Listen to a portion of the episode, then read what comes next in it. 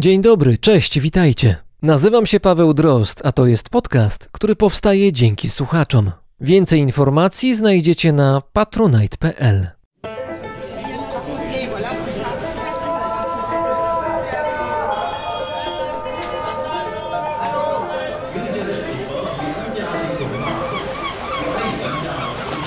Brzmienie świata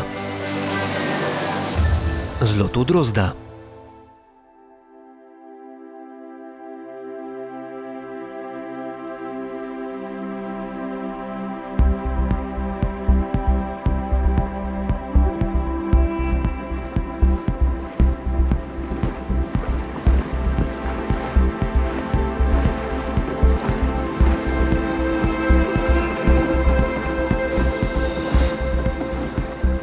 Niebo było zachmurzone, co nadawało widocznym na lądzie wzgórzom tajemniczej i nieco złowrogiej aury. Mimo tego, stojąca na pokładzie para Niemców z zachwytem patrzyła, jak morska woda z impetem uderza o ciemne wybrzeże. Z daleka można było zauważyć, że gdzieniegdzie na skałach siedzą zwierzęta. Ciężkie legwany miały mało okazji do spotkań z ludźmi, więc bez lęku zerkały na statek przybyszów. Był 19 września 1929 roku.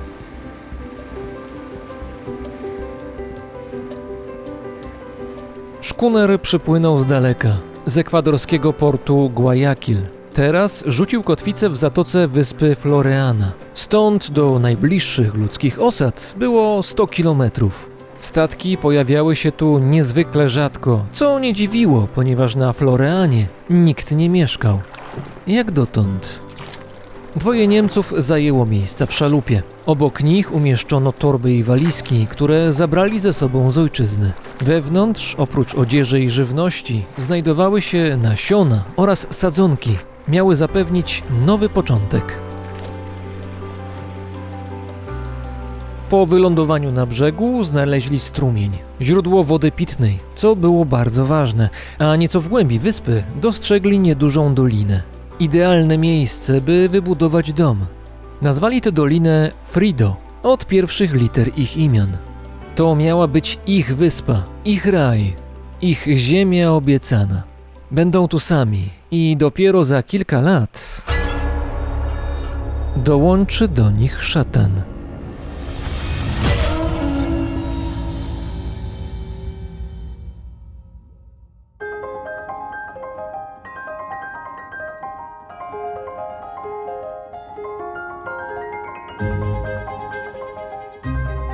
Friedrich Ritter miał 43 lata i był lekarzem.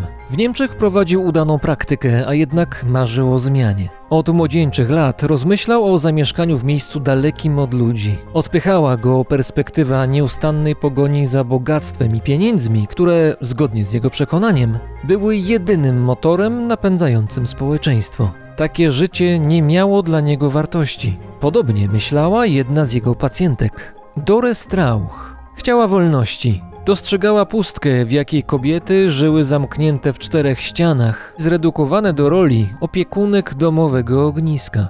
Dore Strauch i Friedricha Rittera połączyło uczucie, mimo że oboje pozostawali w związkach małżeńskich. Wkrótce zaczęli snuć plany ucieczki ze znanego im świata. Chcieli wyjechać tam, gdzie mogliby wieść szczęśliwe życie do końca swoich dni. To musiało być miejsce odosobnione, niezamieszkane przez ludzi. Wtedy natknęli się na książkę Williama Biba. Był to amerykański biolog wielu specjalności. Kilka lat później zasłonie jako człowiek, który opuści się na dno na głębokość 923 metrów, będąc we wnętrzu opuszczanej na linie batysfery. William Beebe poświęcił blisko 20 lat na badania biologiczne, a swoje doświadczenia opisał m.in. w książce Galapagos Koniec świata. Dla Dory Strauch i Friedricha Rittera brzmiało to jak spełnienie ich marzeń.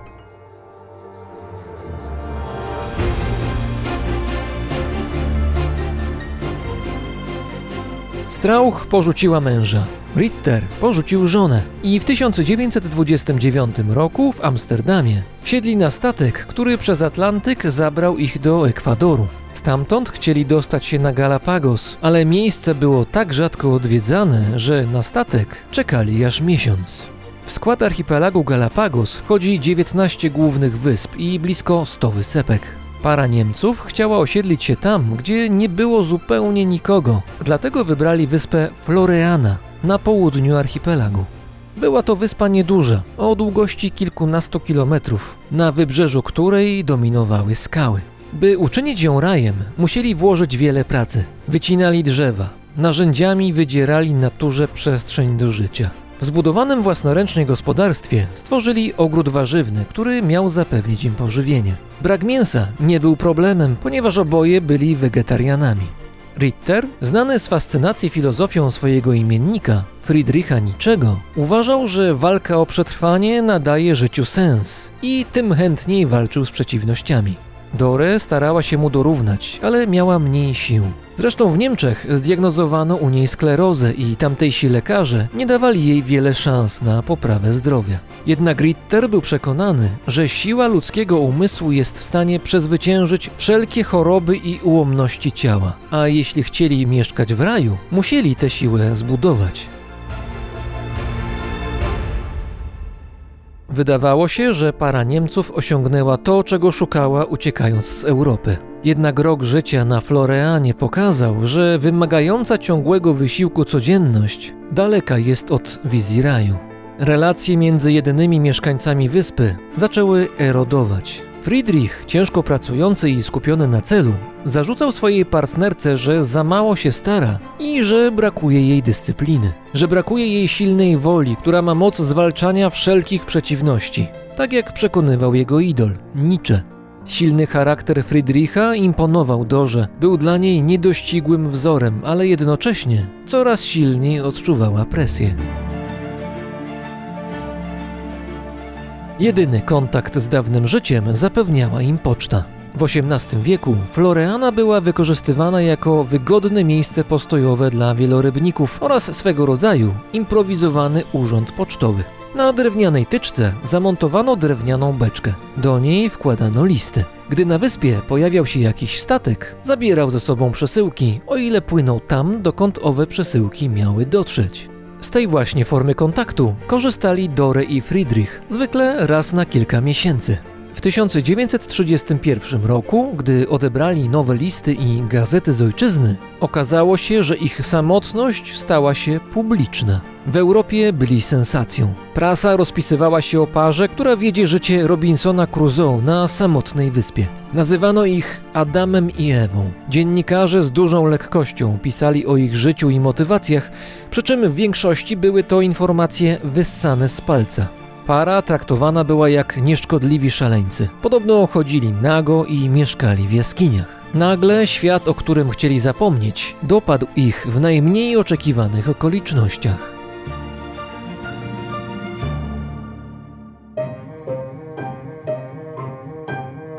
3 stycznia 1932 roku koło wyspy Floreana pojawił się statek Valero 3. Była to jednostka badawcza, która na pokładzie wiozła 20 naukowców. Ich zadaniem było prowadzenie badań na wyspach Galapagos, jednak część rejsu miała posłużyć zaspokojeniu ich nienaukowej ciekawości. W gazetach czytali przecież o ekscentrykach z wyspy Floreana, a skoro byli w okolicy, może uda się zobaczyć tych dziwaków na własne oczy. Dziwacy okazali się zadziwiająco normalnymi ludźmi. Naukowcy znaleźli z nimi wspólne tematy i podziwiali, jak para Niemców zorganizowała sobie życie na wyspie. To spotkanie uwieczniono na wielu fotografiach i nagraniach naukowców. Chociaż wyspiarze podkreślali swoją samowystarczalność, przyjęli w darze zapas czekolady, ryżu, oleju do gotowania oraz karabin. Friedrich cieszył się, że goście nie zabawili długo i nie wpłynęli negatywnie na ich dobrowolną izolację, ale sytuacja zmieniła się pół roku później. W sierpniu 1932 roku na wyspie pojawili się nowi przybysze. Była to rodzina Margaret i Heinz Wittmerowie oraz ich syn Harry. Floreana nie zrobiła na nich dobrego wrażenia, jednak nie mieli wyboru. Na przyjazd w to miejsce wydali wszystkie swoje oszczędności, a na brzegu wyładowywano już ich dobytek. Witmerowie dowiedzieli się o Floreanie w Niemczech z gazet. Czytali tam o dwójce innych Niemców, którzy zamieszkali na rajskiej wyspie. Chcieli do nich dołączyć, jednak raj okazał się mniej atrakcyjny niż się spodziewali. Nowo przybyli spotkali się z bardzo chłodnym przyjęciem Dory i Friedricha. Dzieliła ich różnica charakterów, zainteresowania oraz życiowa filozofia. Dotychczasowi mieszkańcy Floreany nie pozostawiali złudzeń. Chcieli żyć w samotności, bez towarzystwa. Obie grupy zamieszkały więc osobno. Dzieliła ich godzina szybkiego marszu. Dla Margaret Whitmer był to problem. Wybrała wyspę Floreana m.in. dlatego, że na miejscu był lekarz, dr Friedrich, a ona była przecież w piątym miesiącu ciąży. Nie wzięła jednak pod uwagę, że Friedrich nie będzie chciał służyć jako specjalista i odmówi pomocy. Kilka miesięcy później liczba mieszkańców Floreany ponownie się powiększyła. Na miejsce dotarło troje niecodziennych przybyszów. Kobieta koło czterdziestki i dwóch młodszych od niej mężczyzn. Philipson, architekt i Lorenz, inżynier. Tak przynajmniej przedstawiła ich energiczna kobieta, która nazwała się baronową Eloise von Wagner. Twierdziła, że zna osiem języków i jest spokrewniona z Ryszardem Wagnerem. Zgodnie z jej słowami, przypłynęła na Floreanę w jednym celu. Zamierzała postawić tam duży hotel o nazwie Hacienda Paradiso. To zdziwiło, a potem zdenerwowało dotychczasowych mieszkańców wyspy. Tymczasem baronowa z dwuosobową świtą założyła obozowisko tuż obok domu Witmerów. W otoczeniu służących i, jak się wydawało, kochanków zachowywała się wyniośle i ekstrawagancko. Obnosiła się ze swoim rewolwerem oraz stwierdziła, że wyspa należy do niej. Rodzina Witmerów nie była zadowolona z obecności nowych sąsiadów. Zresztą podobne odczucia mieli mieszkający w innej części wyspy Dore i Friedrich. W pierwszych dniach 1933 roku Margaret Wittmer zaczęła rodzić. Poród zaczął się komplikować i na pomoc wezwany został dr Friedrich. Zgodził się interweniować, czym uratował rodzącą oraz jej syna. Narodziny człowieka sprawiły, że na wyspę na krótką chwilę zawitała serdeczność, która połączyła wszystkich, jak dotąd poróżnionych mieszkańców. Krótko potem do Floreany przepłynął statek badawczy Valero 3, ten sam, który był tam rok wcześniej. Naukowcy przywieźli swoim znajomym nową porcję zapasów i byli zaskoczeni tym, że wyspiarska społeczność tak się rozrosła. Zapasy przekazane Friedrichowi wzbudziły zazdrość i ostrą reakcję baronowej. Zażądała podziału prezentów, co doprowadziło do konfliktu. Sytuację skomplikował fakt, że w tym samym czasie gubernator Galapagos, oczarowany baronową, bez większego powodu formalnie przekazał jej prawa do dużej części ziemi na wyspie, gdzie w przyszłości miała wybudować swój hotel. Na Floreanie tliła się wojna.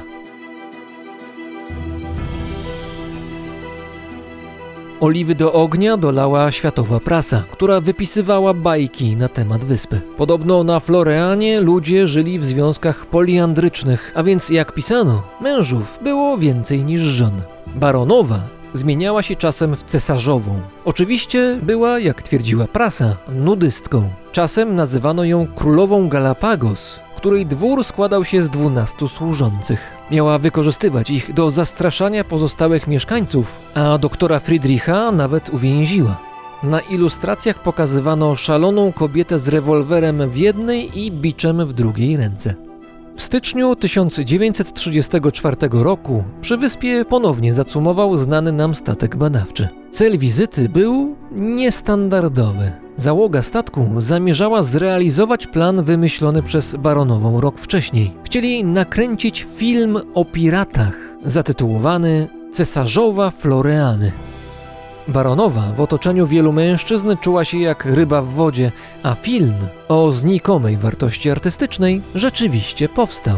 Tymczasem jeden z kochanków baronowej, Lorenz, zaczął czuć się odrzucony. Jego wybranka skierowała go na boczny tor, preferując drugiego z mężczyzn, Philipsona. Zgorzkniały wyznał pozostałym mieszkańcom, że baronowa w rzeczywistości była tancerką, żoną pewnego Francuza z Paryża.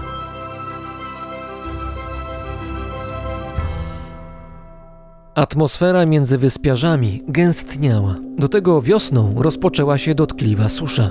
Uprawy we wszystkich gospodarstwach usychały, a od miesięcy nie było statku z zapasami. Napięcie rosło.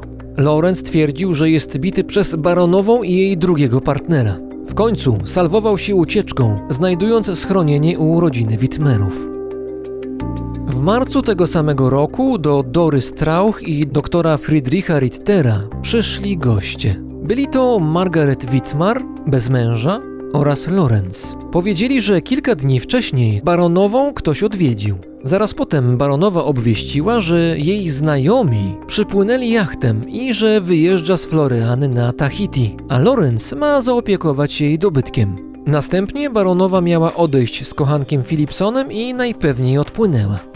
Historia wydała się dziwna, tym bardziej, że dzień wcześniej Dore i Friedrich słyszeli w lesie jakieś krzyki. Lorenz zaproponował, że może sprzedać rzeczy należące do baronowej. Gdy grupa dotarła do jej domu, nic nie wskazywało na to, że jego właścicielka rzeczywiście się wyprowadziła. Wszystkie przedmioty domowego użytku były na swoim miejscu, w tym portret Doriana Greya, ulubiona książka baronowej, której na pewno by nie zostawiła. Nad wyspą zawisła tajemnica.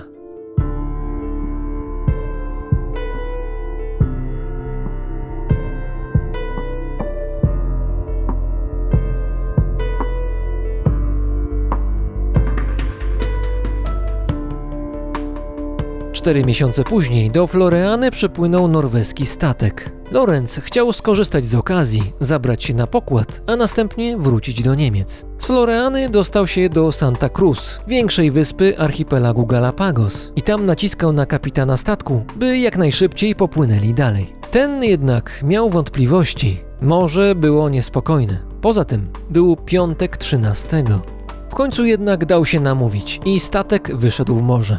Wkrótce słuch po nich zaginął. Ich ciała znaleziono kilka miesięcy później na bezludnej wyspie archipelagu Galapagos. Umarli z pragnienia.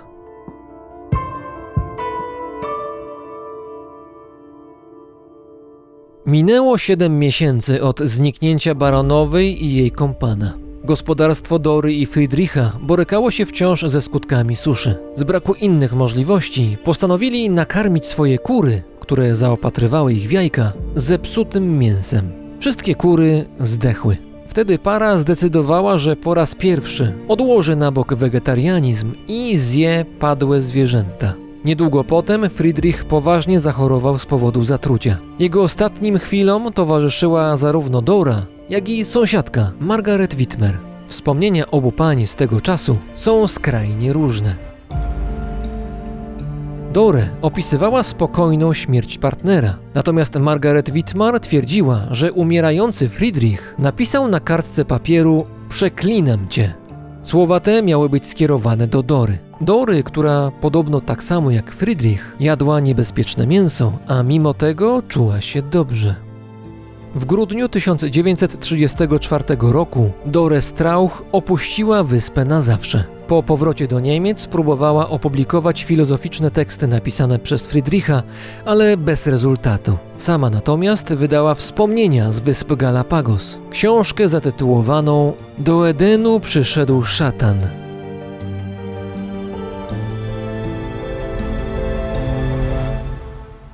Na Floreanie pozostała rodzina Witmarów a ich potomkowie mieszkają tam do dzisiaj, prowadząc na wyspie mały hotel. W odpowiedzi na książkę Dory Strauch, Margaret Wittmer opublikowała swoją wersję wydarzeń. Prawda na temat losu Baronowej i Philipsona do dzisiaj nie ujrzała światła dziennego.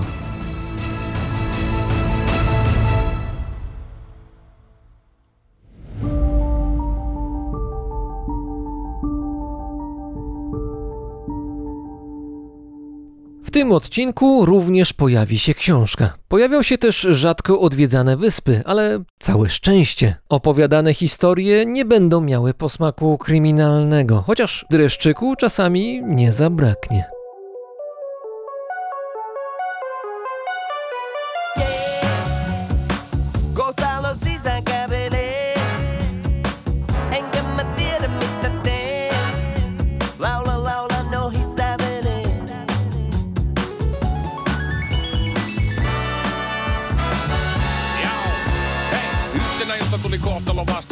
Kohtalo kutsui lähin kohtalon matkaa. Ja se koskettaa kohta jokasta, kun kohtalo kuljettaa kohtalon lasta. Kaikki peli yhden kortin varaa, vaikka voi hyvin olla, että sormi palaa. Poltin näpit ihan normikamaa, kun viimeinenkin olien korsis prakaa. Tulit sä kurkiin purkitako tonni kalaa? Näet sä liekkejä, joo Tommi palaa. Ei korniin vara ja mä luotan, että on aika huolella tykittänyt tuotantoon tän. En aio tyytyy kohtaloon, pamon entisen elämäni huoltamoon. Vedän sitä suoraan kuantaloon ja vaikka nenä vuotais, niin vuotakoon. Se on kohtalo, jep vielä ja kuuma, mutta kohtaa. Oh, tää alku vasta johdato, vai kerroinko mä käännä kohdan jo. Sain lukeessa lukuisista kanavista, että homma lähti pikkasen lapasistaan. Ja koko hommassa kamalinta oli feisille läimäänty savarilla. Ja tästä taitaa tulla sanomista. Tiesi sen ennen kuin aloitinkaan. Oiko sulku eikä varavirtaa, loppuvoitto kulku sut kadotin. Taas koon kohdalle sanakirjaa, vaikka koittanut päästä sun vanavirtaan. Kahlata sieltä missä on matalintaa, ja lukitut ovetkin avasin vaan. Kylmätä Klaara, mä luulin et susti on vaara. Mut tilanne eteni tuli kiastetta poliitin draamaa. Ha? Kylmätä Klaara, mä luulin et susti on vaara.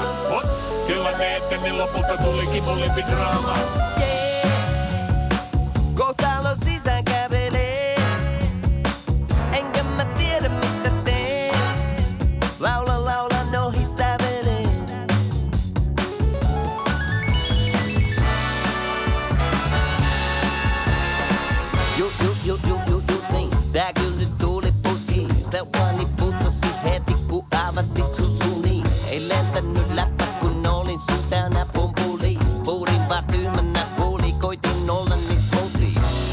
Läpi kun kaunota takapa semmalta suti. Nollona totesin totali mokasin. Unohti minut minuutti. Asu mun unis, tuli kubiton turpi. Kun kohtalo hoitikin toisenkin mahiksen, otisin kopin. Hän on mun valo, mun koti.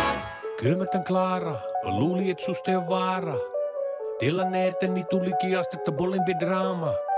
Kylmätän Klaara, mä luulin, et susta oo vaara. Mut tilanne eteni lopulta tulikin molempi draama. Kylmätän Klaara, mä valitsusken vaara. Hot. Tilanne eteni tuli kiastetta bullimpi draama. Hot. Kylmätän klaara, mä luulin et susta vaara. Hot. Tilanne eteni lopulta tuli kipulimpi draama.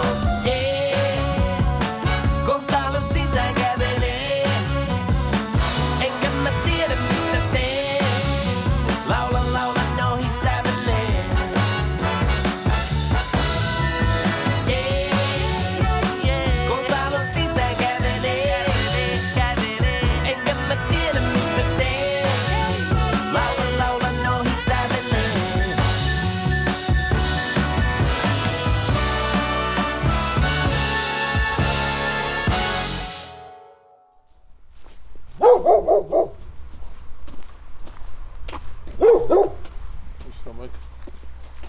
Pies Romek? pies Romek. Pies kuleczka. A psy nie reagują na żubra. Żubr stoi jakieś 50 metrów od nas. Nie, bo one, wiesz co, one są tutaj, wiesz, jakby znają się bardzo dobrze i wiesz, żubry są niezwykle łagodnymi zwierzętami, bo znają swoją siłę, znają swoją grubą skórę, znają swoje rogi, znają swoją wielkość, więc bardzo rzadko się zdarza, że one kogokolwiek tutaj pogonią. Czasami sobie śpią tutaj na podwórkach, jak je ktoś. Żubry śpią na podwórkach? No jak ktoś zapomni zamknąć bramy, to wchodzi, że... No to już spał u sąsiadki chyba dwa dni temu. Więc wiesz, więc one się pasą. To są głównie w tej chwili duże, dorosłe byki. Krowy z młodymi tu rzadko przychodzą do teremisek. No i fajne jest to, bo to jest takie trochę Yellowstone na miarę naszych możliwości. Ja to bardzo lubię. Yellowstone też masz bizony przy szosie albo na szosie. Więc sobie sam go zrobię, bo on jest bardzo ładny. Ja sobie kolekcjonuję. Nigdy mi się nie znudziło fotografowanie żubrów. O, wrócił się. No jak na tą porę roku jest za ciepło trochę. To znaczy, jaka temperatura powinna być w połowie No listopada? powinno być koło zera, może jakieś pierwsze opady śniegu. Już. Mhm. Ja wiesz, jak tutaj zacząłem mieszkać ponad 20 lat temu, to już zima zaczynała się często w listopadzie, a kończyła w połowie kwietnia. A teraz kończy się w lutym, jeżeli w ogóle się zacznie. Albo przychodzi raptem w kwietniu. Ale jest tu chyba jakiś mikroklimat, bo jak jechałem, to jakieś 20-30 km stąd, jak jechałem od strony Warszawy, od zachodniej strony, nagle temperatura spadła jakieś 4 stopnie, było takie Tak, ciach. w samej puszczy jest chłodniej. Aha. Bo wiesz, bo jest wilgoć, są drzewa, puszcza ma chłodniejszy mikroklimat. To też pokazuje, po co powinniśmy mieć lasy naturalne, bo po prostu chłodzą klimat w takiej mikroskali. Ale i tak tutaj jest za ciepło w tej chwili. A jeżeli chodzi o żubry, to ja mam takie przeświadczenie, że żubry żyją jednakowoż w stadach, a tutaj mamy pojedynczą sztukę. To jest anomalia, czy nie? Nie, nie, nie. W stadach, w stadach żyją, słuchaj, krowy z młodymi i jakieś dochodzące byki, szczególnie jak jest okres godowy. Natomiast byki się łączą w takie małe grupki. Czasami są pojedyncze. Tutaj była taka mała grupka dzisiaj rano. Było Chłopaki razem się trzymają. Chłopaki razem, tylko że to jest taka hierarchia facetów, jak to mi powiedział kiedyś taki naprawdę dobrze znający żubry pracownik Białowieskiego Parku Narodowego, powiedział mi, wiesz, to jest taka hierarchia, jak faceci idą na piwo. Tu się z kimś połączą, tu z kimś się rozejdą, Nie wiadomo, kto płaci też za kto to piwo. płaci, kto się pokłócą, więc wiesz, one sobie po prostu, tak uważam, więc były, było tu chyba 5 czy 6 rano, teraz sobie podejrzewam, że one leżą sobie tam w lesie, możemy zajrzeć na chwilę, zobaczyć i później przyjdą jakieś inne, niektóre będą całą zimę, niektóre stąd pójdą sobie, wiesz, no różnie to jest. O, pyk. Fajny, duży zwierzak.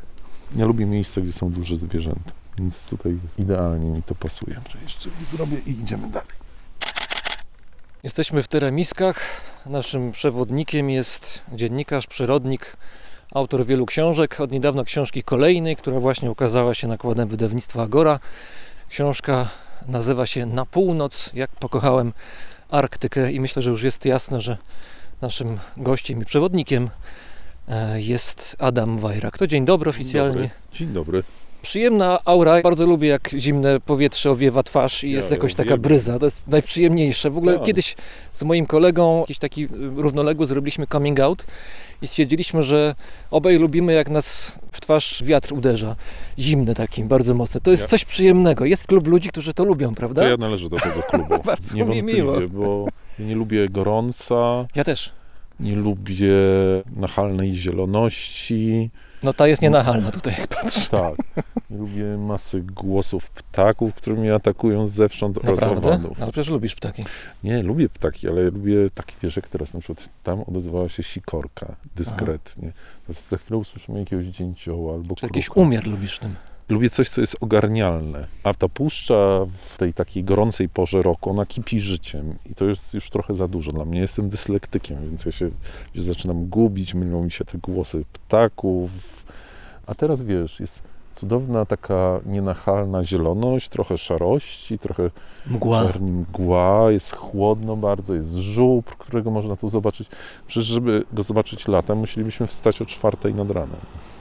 Koszmar. Teraz się zaczyna najlepsza pora roku, dlatego lubię puszczę o tej porze roku. Lubię jak właśnie jak jest teraz, od listopada, no tak do połowy kwietnia, no do końca kwietnia.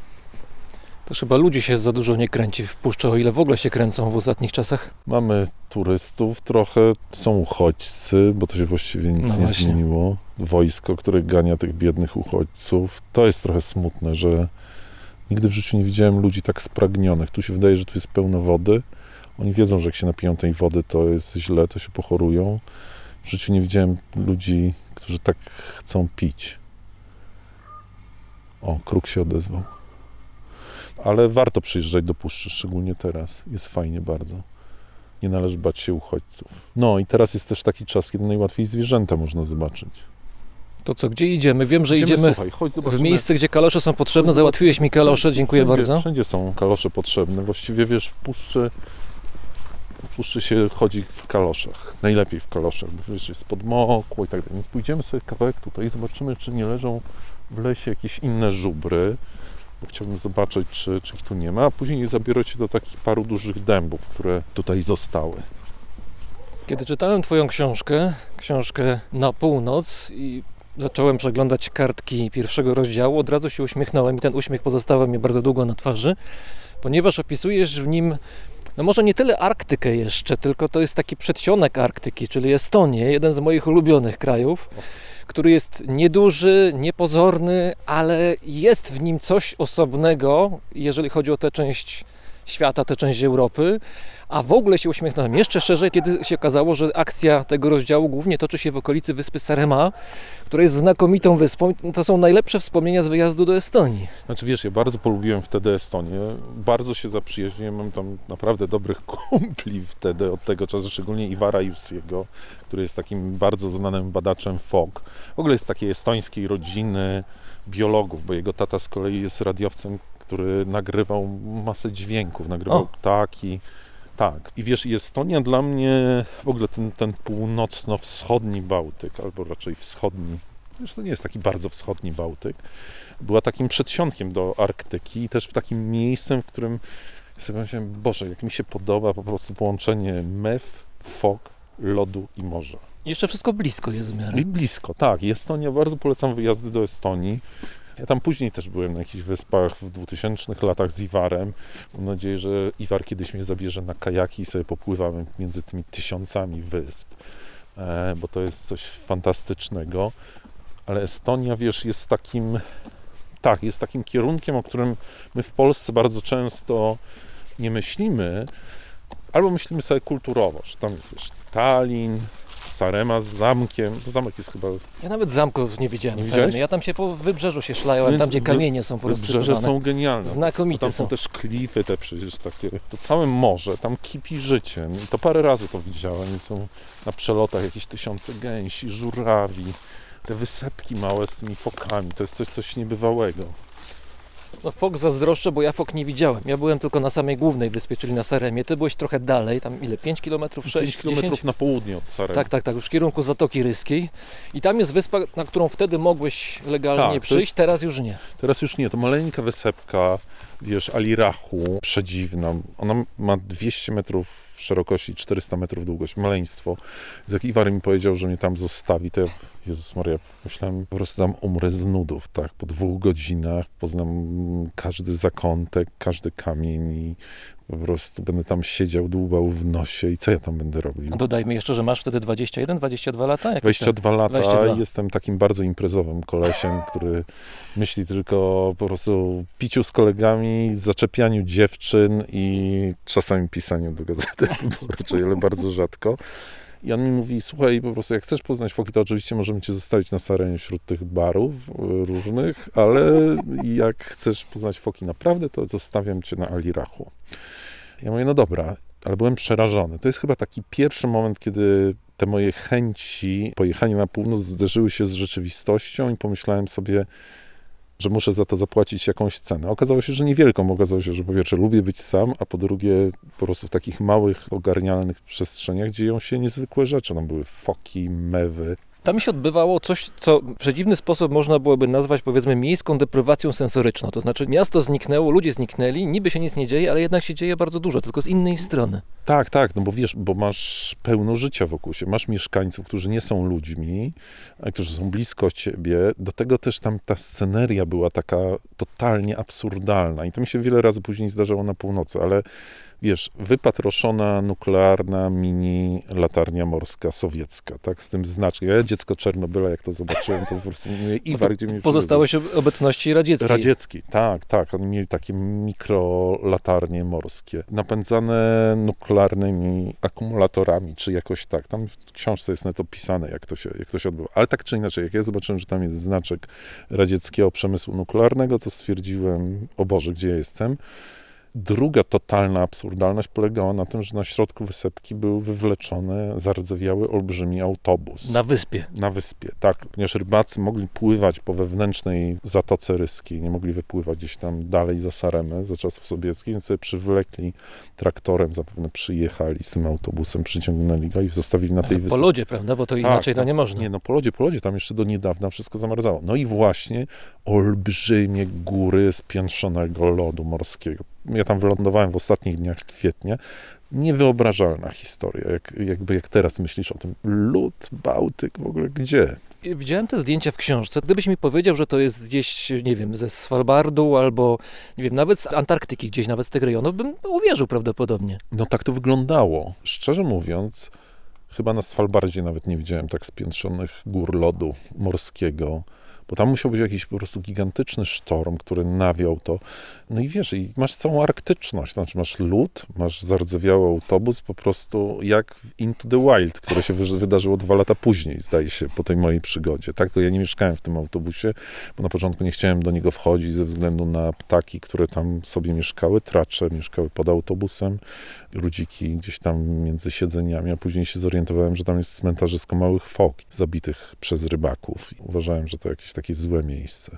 Ale tak, dziwna wyspa. No i sobie chodziłem po tej wyspie było mi tak dobrze, po prostu jak nigdy w życiu.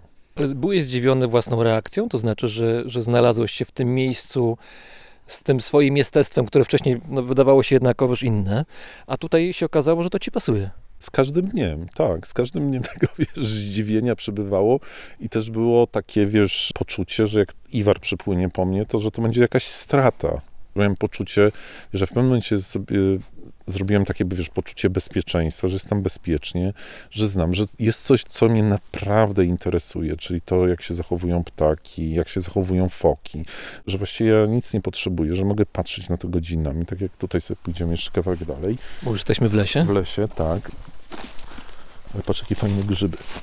Aha, To są jakieś uszaki, ale super. Ładne, ładne. Ładne. I one mogą być nawet jadalne. Ja sobie zrobię ich zdjęcie. I wiesz, i to wszystko...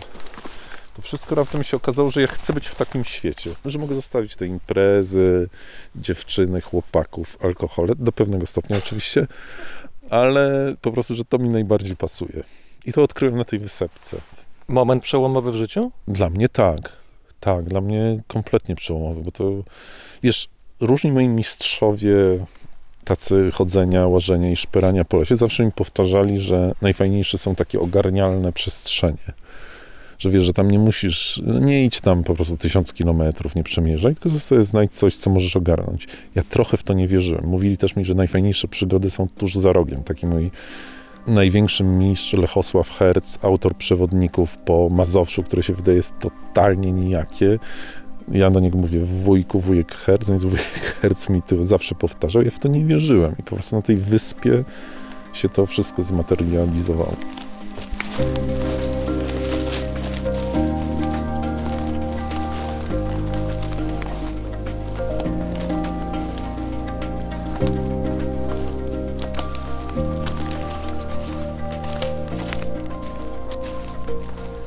Tam sprowadziły cię między innymi, albo może głównie, foki na tę wyspę malutką niedaleko wyspy Sarema w Zatoce Ryskiej.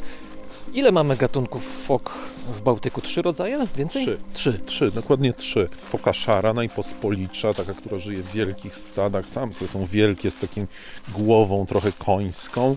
Bardziej taka wilczo wyglądająca jest samica. Później mamy fokę pospolitą, to jest bardziej zachodni gatunek. No i mamy super ciekawy gatunek, to jest foka obrączkowana. I to jest relikt jakby polarnej, lodowcowej przyszłości tego regionu. Zresztą ona tylko i wyłącznie rodzi się na lodzie, robi takie jamki. I ciekawe jest to, że mamy w Europie dwie słodkowodne populacje. Wiesz, że Sarma, Sarma zdaje się, w Finlandii i w Ładodze. Więc one sobie siedzą w jeziorach dopóki jest tam lód, to mają się dobrze, ale ostatnimi czasy jest z tym coraz gorzej. Tak samo zresztą jest na Bałtyku, tego lodu zaczyna brakować. Ta populacja foki obrączkowanej, która kiedyś była najliczniejsza w ogóle w Bałtyku, no powoli, powoli się zmniejsza. Populacje fok to były populacje jeszcze powszechne, zupełnie jeszcze na początku XX wieku, prawda? Jakieś Tak. 100 lat temu, ale intensywnie były po prostu wytrzebiane. One były zabijane, do tego sieci, wpadały w sieci, do tego e, zatrucie środowiska. Myślę, że się przyczyniło do bardzo wielu złych rzeczy, więc jakby wiesz, w latach 90., jak mi ktoś powiedział, że w Bałtyku żyją foki, to może gdzieś tam myślałem, a może gdzieś tam hen, hen, hen, a w ogóle Polska, gdzieś tutaj te, te okolice to w ogóle nie ma mowy. Są tacy bardzo fajni ludzie. No jednego już największego nie ma, Krzysztofa Skóry, który w stacji morskiej na Helu, tam przyjeżdżałem do niego pisać różne artykuły o morskich zwierzętach i on mówił, słuchaj, w Bałtyku są foki, muszą wrócić muszą wrócić do naszych wybrzeży. Teraz wiesz, przy ujściu Wisły wisz masę fok Wiedziałem, wiedziałem. wspaniałych i to jest, to jest genialne, ale ale wtedy to była jakaś, jakaś totalna egzotyka i był tylko ten Balbin, który mieszkał przy stacji w basenie, który kiedyś miał być szambem i to była jedyna foka, pierwsza foka, którą spotkałem, taka poza ogrodem zoologicznym oczywiście. No i Krzysztof mówił, że, że jak chcę fok, to muszę pojechać do Estonii, więc jak tylko pojechałem z jakąś wycieczką dziennikarską do Estonii, to natychmiast, ale to natychmiast po prostu stwierdziłem, że muszę zobaczyć foki i uderzyłem do pana ministra środowiska tamtejszego mówię, na konferencji, czy ja nie mógłbym z kimś pojechać na foki. No i on wtedy dał mi namiary na dwóch naukowców, na Iwara Jusiego i Mota Marana i z nimi ruszyłem na foki. To była kompletna po prostu rock'n'rollowa wyprawa, można tak to nazwać. To bym nazwał wyprawą. Nie lubię nazywać tych wyjazdów w Arktykę i na północ wyprawami, a to była taka wyprawa, no. Robiliśmy sobie zapasy, musiałem mieć zapasy, słodką wodę, nauczyć się jeść jajka dzikich ptaków. A powiedz mi właśnie, jest jedna morską. rzecz niewyjaśniona w książce, mnie Mhm. bardzo interesuje. Ja wiem, że za chwilę prawdopodobnie tym pytaniem się skompromituje, ale już trudno niech będzie. Dlaczego nie można gotować posiłku na słonej wodzie? Wytłumacz mi. Jest ohydne. No Ale zgodnie z logiką, woda, okej, Nie słoność, Dlaczego. Nie wiem dlaczego. Bo i tak dodajemy ohydne. soli, No prawda? tak, i tak dodajemy no soli. to jak? Ale to jest ohydne. Nie wiem, ta morska woda jest po prostu ohydna. No uwierz mi, że jest ohydna. Ja też nie wiem dlaczego, bo logicznie, No tak, no. logicznie to w ogóle nie, nie klei się, ale, ale to jest ohydne po prostu. Totalnie ohydne. Ale tak zrobiłem raz na Wyspie Niedźwiedziej moim kolegom Lechom. Ugotowałem ryż. Do wyrzucenia był. Czy jakiś, nie, ryż albo jakieś, coś takiego. Jeżeli chodzi jeszcze o te foki, to one były wytrzebiane, mówię teraz o początku XX wieku, między innymi dlatego, że były oskarżane o to, że zabierają robotę rybakom. Na ile to jest słuszny zarzut? Bo, bo w książce pisze, że z jednej strony statystyki mówią o tym, że niewielki procent jedynie ryb jest połykanek przez foki, ale z drugiej strony no jednak to jest ich główne Znaczy- źródło znaczy, pożywienia. To jest trochę tak, że Muszę patrzeć, czy tutaj. Nie, tu już nie ma żubrów, a tam dalej nie możemy iść, więc się cofniemy. Słuchaj, to jest trochę tak, że foki oczywiście jedzą ryby, tak? No ewidentnie. Ewidentnie. Natomiast w Bałtyku, wbrew pozorom niektórych gatunków ryb, mamy bardzo, bardzo dużo i szczególnie jakby przenawożenie Bałtyku powoduje, że ich jest naprawdę bardzo dużo. W tym XIX i XX wieku to też było polowanie dla tłuszczu, dla skór, dla mięsa i, i to nie było tylko i wyłącznie takie polowanie, och ty szkodników, wstrętny fok. Na, na polskim wybrzeżu tak to wyglądało. Tak to Głównie wyglą- chodziło tak o to- szkodniki. Tak to wyglądało, chociaż jak się czyta te zapiski z Helu, to też wyglądało na to, że, że one po prostu są jedzone, że Mhm. ten tłuszcz służy do bardzo wielu rzeczy. Natomiast w tej chwili wydaje mi się, że wiesz, że w wypadku śledzia, w wypadku szprota, których naprawdę, naprawdę jest sporo, to nie jest problem. Natomiast problemem jest historia na przykład na linii rybacy foki łososie, bo te sieci są tak skonstruowane, że wpadają w nie łososie i po prostu foka podpływa i je zbiera jak po prostu my, jak my grzyby w lesie i zjada i po prostu rybacy dostają szału. Ale tak naprawdę, jeśli chodzi o masę innych ryb, no to wystarczy w Bałtyku dla o wiele większej ilości fok niż mamy teraz. Są takie bardzo dobre badania szwedzkie, które to pokazują, więc jakby no nie ma z tym naprawdę problemu, żeby na Bałtyku było i rybactwo, i sporo fok. Tym bardziej, że ja myślę, że tych fok jednak będzie ubywać ze względu na, na zmiany klimatyczne. To w ogóle jest kolejny kazus, kiedy potrzeby zwierząt zderzają się z potrzebami człowieka. To jest typowa rzecz, to się wszędzie spotyka właściwie. Na przykład tutaj żubry, prawda? No ale Czy żubry- nie ma konfliktu? Już nie ma. Właściwie nie ma, bo to jest, wiesz, Aha. tu jest na przykład tak, że ktoś wpadł na bardzo mądry pomysł, że będą płacone odszkodowania za straty od żubrów w rolnictwie, ale też będzie płacona, jeżeli przywołasz żubra na swoje pole, gospodarując trawą, łąką i tak dalej, to dostaniesz gratyfikację, dostaniesz kontrakt. I wtedy ten żubr raptem z kategorii szkodnik przeskoczył do kategorii pożądane zwierzę. I raptem się okazało, że z historii konfliktowych się zrobiły historia współpracy. Zresztą ciekawe jest to, że wydaje mi się, że tak naprawdę ten ktoś, nie wiem kto to wymyślił, naprawdę nie wiem, ale bym pomnik wybudował, wrócił do starych rozwiązań bardzo. To znaczy ludzie tutaj w puszczy byli osadzani po to, żeby pilnować puszczy i dbać o żubry królów. I mieli z tego powodu sporo przywilejów. Więc jakby ktoś wrócił do starego rozwiązania, tylko powiedzmy sobie, że królem w pewnym momencie zaczęły być fundusze europejskie albo norweskie, albo później lasów państwowych. Tak więc jakby By raptem się okazało, że, że, że po prostu można ten konflikt przełożyć na to, że wszyscy są szczęśliwi, bo szczęśliwi są rolnicy, bo dostają bardzo dużą właśnie dopłatę. Szczęśliwi są ci, co mają agroturystyki, bo przyjeżdżają turyści, mogą zobaczyć żubry jak Yellowstone, bizony, a ja jestem szczęśliwy, bo wyglądam za okno i widzę żubry konflikty po prostu się. One czasami bywają, tak jak mówię, jak żubr komuś wejdzie na podwórko, jak zostawi ktoś otwartą bramkę, ale tak to, to nie. Co, bo wydaje mi się, że gdyby to było płacone za stratę ciągle, no to ten żubr byłby ciągle czymś, co robi straty. Myślę, że to trochę na tym polega. Czy nie tylko świadomość społeczna tutaj gra rolę? Świadomość też, nie, bo to, ta świadomość się bardzo, bardzo zmieniła, ale świadomości trzeba pomóc. Na tym to polega, że wiesz, że jakby, jak to ktoś powiedział, byt kształtuje świadomość i wiele w tym prawdy. Idziemy dalej? Idziemy dalej, słuchaj, wiesz co, sobie pójdziemy lasem, zobaczymy, co tu się dzieje, a sobie później zrobimy takie kółko, dojdziemy do tego dębu od innej strony.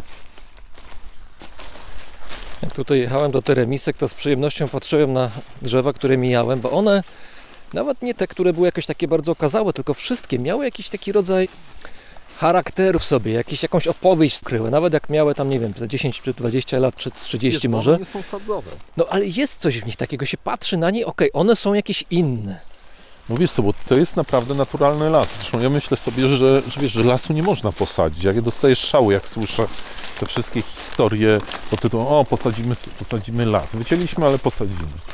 Wiesz, to jest tak samo, jak nie możesz sobie zrobić lodu w Arktyce, tak samo nie możesz sobie zrobić rafy koralowej i tak samo nie można sobie zrobić lasu. I tak sobie myślę, że właśnie na tym to, wiesz, na tym to polega. I tutaj to widać, że to jest po prostu totalna różnorodność drzew. Małych, dużych, różnych gatunków, wiesz. Popatrz, tu masz.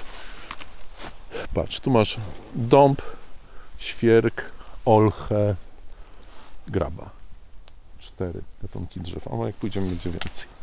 I różne w różnym wieku, różnej wysokości, różnej grubości. Pełno martwych drzew. To jest też super Tak, tak, ważne. tak. To jest super ważne, bo to jest tak jak na rafie koralowej. Masz taki ruszt, który tworzą też żywe i martwe koralowce. Tu jest tak samo.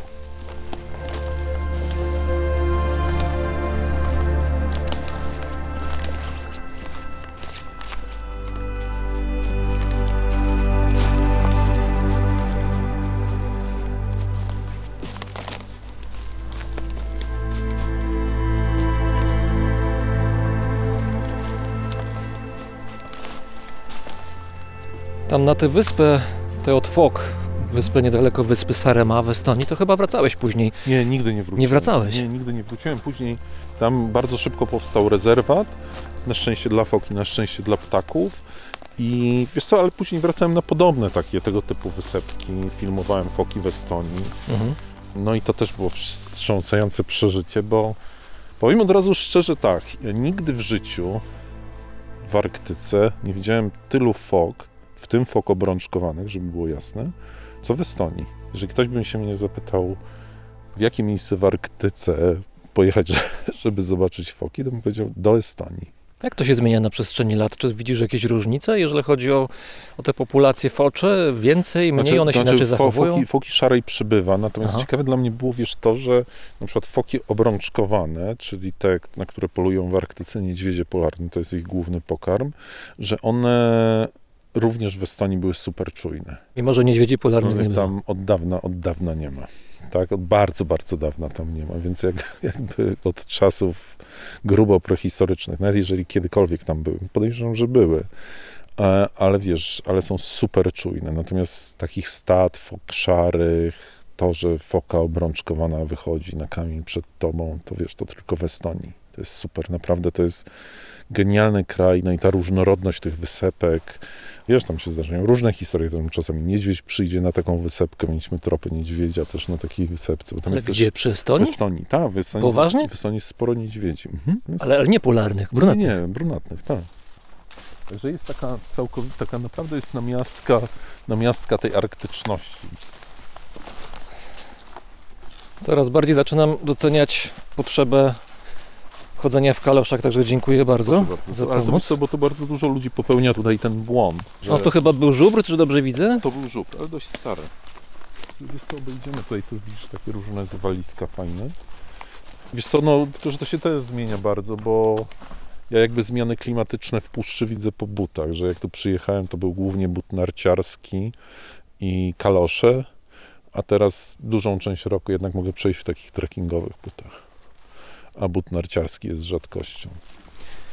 Tak a propos Estonii, to wynika z Twoich opisów w książce, że ta wschodnia część Bałtyku, czyli powiedzmy na wschód od Zatoki Ryjskiej, to jest zupełnie inny Bałtyk niż ten Bałtyk, który my znamy. Och, to jest, to jest, wiesz, to jest zupełnie co innego. Zresztą, wiesz, no, Zatoka Botnicka to jest miejsce, w której trenują wyprawy polarne. Znaczy do niedawna trenowały, gdzie chłopaki tam przed biegunem czy przed tego typu rzeczami po prostu idą i zasuwają na tym lodzie, rozbijają namioty i oboziki. Czasami jeszcze na płaskowyżach norweskich, prawda? Ćwiczą. Tak, ale ten taki najbardziej, co przypomina lód morski. Wiesz, ten lód morski ma super, no to jest bardzo specyficzna historia. To będzie, mam nadzieję, druga część tej książki, bo to będzie o takich już, już wyprawach na lodzie morskim. To jest coś, od czego właściwie zależy cały ekosystem arktyczny. To, że po prostu glony są podczepione pod to, że to powoduje właśnie nawet nie tyle to, że niedźwiedzie polują z lodu, ale cały w ogóle silnik, który napędza ten ekosystem, to jest lód. Więc Zatoka Botnicka, ja czasami patrzę, wiesz, ja bardzo często mam takie spaczenie, że patrzę na mapy lodowe i patrzę, gdzie mógłbym przejść na nartach i patrzę na tą Zatokę Botnicką i coraz częściej widzę, jak jest tego lodu mało. Tam, tam jeszcze, do nie, jeszcze podobno gdzieś się jeździ samochodem między Szwecją a Finlandią. Jest taka wytyczana trasa.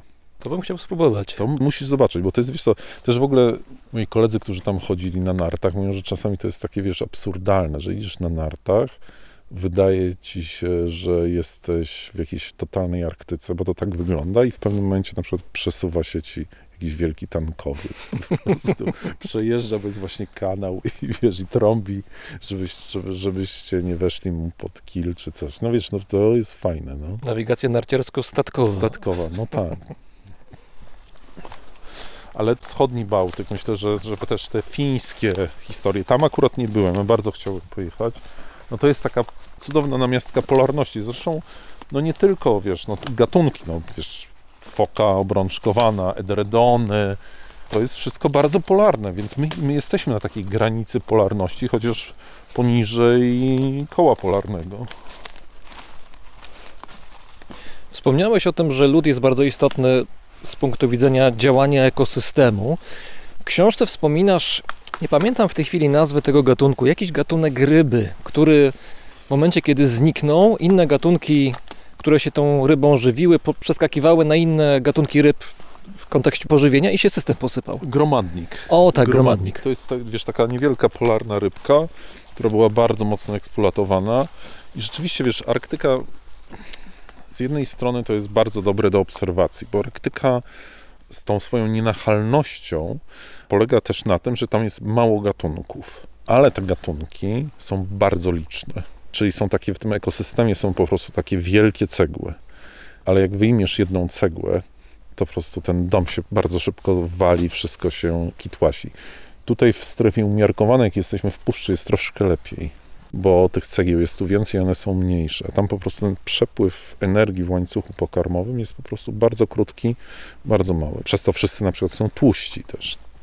Tłusty plankton, tłuste ryby, tłuste foki, tłuste niedźwiedzie. I tam to jest tak, że, że wyjmujesz taką cegłę, jak wyjmujesz gromadnika, przeławiesz gromadnika i się wszystko zaczyna walić od, od fok po śledzie. To jest też niesamowite. Wiesz, my mamy takie pojęcie o Arktyce jako, wiesz, no cały czas ja byłem zatopiony w te wszystkie książki podróżnicze i polarne, że to jest taki groźny, wiesz, nawet jest takie powiedzenie, z którym się bardzo śmiejemy ze Wojtkiem Moskanem, groza Arktyki. No i ta groza po prostu, wiesz, powoduje, że ten człowiek tam ciągle walczy o życie i właściwie nic nie może z tą grozą zrobić. To się okazuje, że ten człowiek tam przypływa, przyjeżdża i czy to są wieloryby, czy to jest gromadnik, czy to jest alka olbrzymia, czy, czy niedźwiedzie polarne, jest w stanie to załatwić po prostu czasami nawet w parę lat. No dobrze, ale tutaj w sytuacji, kiedy jesteśmy chronieni przez pancerz cywilizacyjny, płyniemy tym statkiem, czy na znakomitym pontonie wyposażeni w najlepszy możliwy sprzęt arktyczny, no to wszystko jest w porządku, jesteśmy w stanie ogarnąć bezpieczeństwo swoje, które się dookoła nas odbywa. Natomiast jeżeli ruszamy, nie wiem, na nartach przez jakiś płaskowyż, na jakiś lodowiec i tak dalej, Też ja nie mam doświadczenia wielkiego, ale pewien rodzaj grozy tam jest, to znaczy stopień nieprzewidywalności znacząco wzrasta To, wtedy. że nie, to prawda, że wzrasta. No to wiesz, to jest tak, że Po to tam ludzie jeżdżą też No, między innymi, prawda? jeżdżą, Żeby tak. właśnie tam było coś nieprzewidywalnego. Okej, ale ja wytłumaczę od razu, jak jest ze mną. Bardzo Mhm. prosta rzecz. Ja na przykład nie mam prawa jazdy z powodu lenistwa, tam jakoś nie wyszło mi w życiu, więc nie mogę wsiąść na skuter. Trzeba mieć prawo jazdy na skuter? No tak, no trzeba mieć prawo jazdy przynajmniej takie, żeby wsiąść na Aha. skuter. Więc ja nie mogę, ktoś mnie może tam podwieźć, podrzucić, ale nie mogę tym skuterem zasuwać, no więc zostają mi tylko narty. Więc ja sobie idę na nartach i oczywiście wtedy jest tak, że jak widzę niedźwiedzia, no to muszę trzymać do niego dystans, nie mogę sobie tam podjechać, chociaż to jest nielegalne, od razu mówię podjeżdżanie czy ten, no ale wiadomo, że ja na niedźwiedzia patrzę z pół kilometra, a nie ze 100 metrów. Bo nie- niedźwiedź bo- szybki jest, jak bo- ma bo- ochotę być szybki. Bo, bo nie ucieknę na tych nartach z tymi sankami. Ale wiesz, czy to jest. Nie wiem, ja jakoś tak do tego przywykłem, że to mi się nie wydaje jakoś bardzo, wiesz, nieprzewidywalne i takie ziejące tą grozą. No pewnie czasami przyjdzie mgła, zrobi się whiteout, nic nie widzisz, wiesz, jest trochę przerażająco. To ja poproszę historyjkę o tym, jak prawie spadłeś na wyspie niedźwiedziej. No tak, no niewiele brakowało, była mgła, tam jest generalnie cały czas jest mgła i wiesz, gdybym nie usłyszał nużyków pod stopami, dosłownie pod stopami, one mi się odezwały pod takim nawisem, to bym zrobił krok dalej i bym poleciał tam 200, a może 400 metrów, myślę, że 400 metrów ten klif akurat. Znaczy, przez, od stów wzwyż chyba już Ale nie ma tak, większego nie ma znaczenia. większego znaczenia i pewnie, że tak, że mi się tam, wiesz, zdarzało masę takich, jak teraz sobie myślę, to mi się zdarzało tam masę takich przygód, Że fajnie, że rozmawiamy teraz. że fajnie, że rozmawiamy, ale one mi się zdarzały z takiej trochę takiej młodzieńczej głupoty. Problem polega na tym, że niektórym los jakby wybacza te błędy, ja do nich należałem, a niektórym nie wybacza i mam też, miałem właściwie takich znajomych, których tam akurat to nie zdarzyło się w Arktyce, tylko w polskich górach, którym nie, nie wybaczył tego, więc jakby zginąć można, wiesz, zamarznąć można w Bieszczadach. Jak wcześniej powiedziałem, jest coś takiego, że jeździmy w takie miejsca, część z nas przynajmniej, ci, którzy szukają tego typu doświadczeń, bo nie mówię wrażenia, tylko doświadczeń. To nie chodzi o adrenalinę, tylko to poczucie, że jak teraz pójdziemy 100 metrów do przodu przez tę puszczę, to nie wiemy, co tam będzie. Czy tam to będzie żubr, czy nie. No Tak, ale właśnie o to to chodzi. fajne, właśnie tak. po to tam jeździmy. Ale nieprzewidywalność taka, to mi się podoba. To znaczy, czy wiesz, że jak idę po lodzie, nie wiem, czy po prostu on się zaraz spiętrzy, czy się nie spiętrzy, ale to jest tak samo z puszczą. Mhm. To ja sobie tutaj idę i to jest ten. Natomiast jakby ktoś mi powiedział, że mam zrobić na przykład, nie wiem, przejść coś, bo tam jest minus 40 stopni i nikt przede mną tego nie zrobił, to mnie to wali. To mnie to nie obchodzi. Jakbyś mi tam powiedział, że tam są lisy polarne i niedźwiedzie, to ja tam pójdę. No, może być minus 40, coś tam. Ale jeżeli mi powiesz, że ja mam tam pójść, żeby wbić flagę i być pierwszym Polakiem, drugim Europejczykiem, albo zrobić pierwsze przejście polskie zimowe, to mnie to po prostu w ogóle nie obchodzi wtedy. No wiesz, myśmy mieli tak, nikt tego tak naprawdę nie wie, myśmy tego nie sprawdzali, ale przeszliśmy z Wojtkiem Moskalem, Wojtkiem Jazdanem i Jackiem Jezierskim z Kanady na Grenlandię. Zrobiliśmy to dla, trochę dla jaj, dla przygody, żeby zobaczyć, jak jest na takim lodzie. Było strasznie zimno, tam spadało poniżej 40 stopni. Na, na 40 stopniach nam się ter- termometr skończył, więc może było mniej. I krążyły jakieś pogłoski, że jesteśmy jakoś piersi, w sensie pierwszości jakiejś przynajmniej polskiej, ale w ogóle nas to nie obchodziło. A poza tym uważaliśmy, że to jest żenujące dość, z tego powodu, że tam w tej we w tym między tą Kanadą a Grenlandią jeżdżą sobie Inuici, więc to już było w ogóle, wiesz, jakby takie wbijanie flagi nas w ogóle nie obchodziło. I myślę, że dostałem bardzo dobrą, wiesz, szkołę od Wojtka Moskala, z którym bardzo lubię jeździć w Arktykę i sobie czasami chodzimy na nartach. To jest taki koleś, który jest absolutnym zaprzeczeniem zdobywcy. Okej, no jest pierwszym Polakiem, który doszedł na biegun północny, ale też jest kolesiem, z którym się fajnie jest włóczyć. Ja lubię się włóczyć. O, włóczenie się to jest dobre słowo. Chodź zobaczymy, co tam za oddzięciu pyka.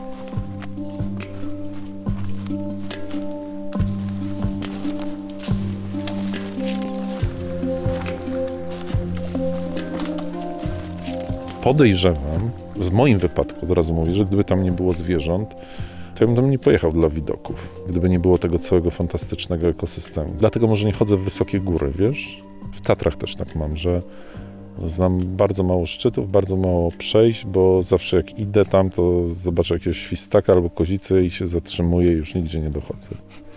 Więc to jest moja Arktyka i mam nadzieję, że to w tej książce widać, że to jest głównie ci, co tam mieszkają, a niekoniecznie ludzie, bo też bardzo często książki o Arktyce to jest o ludziach, którzy tam walczą, tropią, tu zjedzą morsa, tu surową wątrobę, tu coś, tu Albo coś ich zje. albo coś ich zje, albo to spadną i tak dalej, a mnie interesują ci nieludzcy mieszkańcy Arktyki. Ciekawie to brzmi, nieludzcy. Mhm.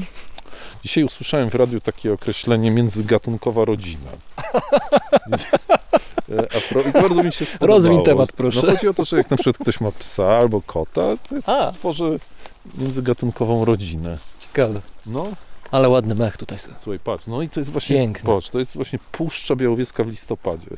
Szarość, po prostu zieloność tych mchu tak intensywna, że w lecie nigdy tego nie zobaczysz. Kontrast jest bardzo ładny. No. Czekaj, posłuchajmy. Wiesz co, podejdźmy chwilkę, bo to może być bardzo rzadki dzięciu. A po rodzaju pukania jesteś w Tak, stanie ono jest ocenić? bardzo delikatne. Dwa. Dwa, dwa, dwa. Co zaraz zobaczymy. Bo też nie, nie uciekają, więc to też wskazuje na tego rzadkiego dzięcioła. I to też jest fajne właśnie w tej, to jest, właśnie dlatego lubię puszczę i lubię Arktykę, że puszczę o tej porze roku. Też jest ta nienachalność dźwięków. Słyszysz tego dzięcioła z bardzo daleka i możesz sobie do niego spokojnie przyjść, gdzie on jest.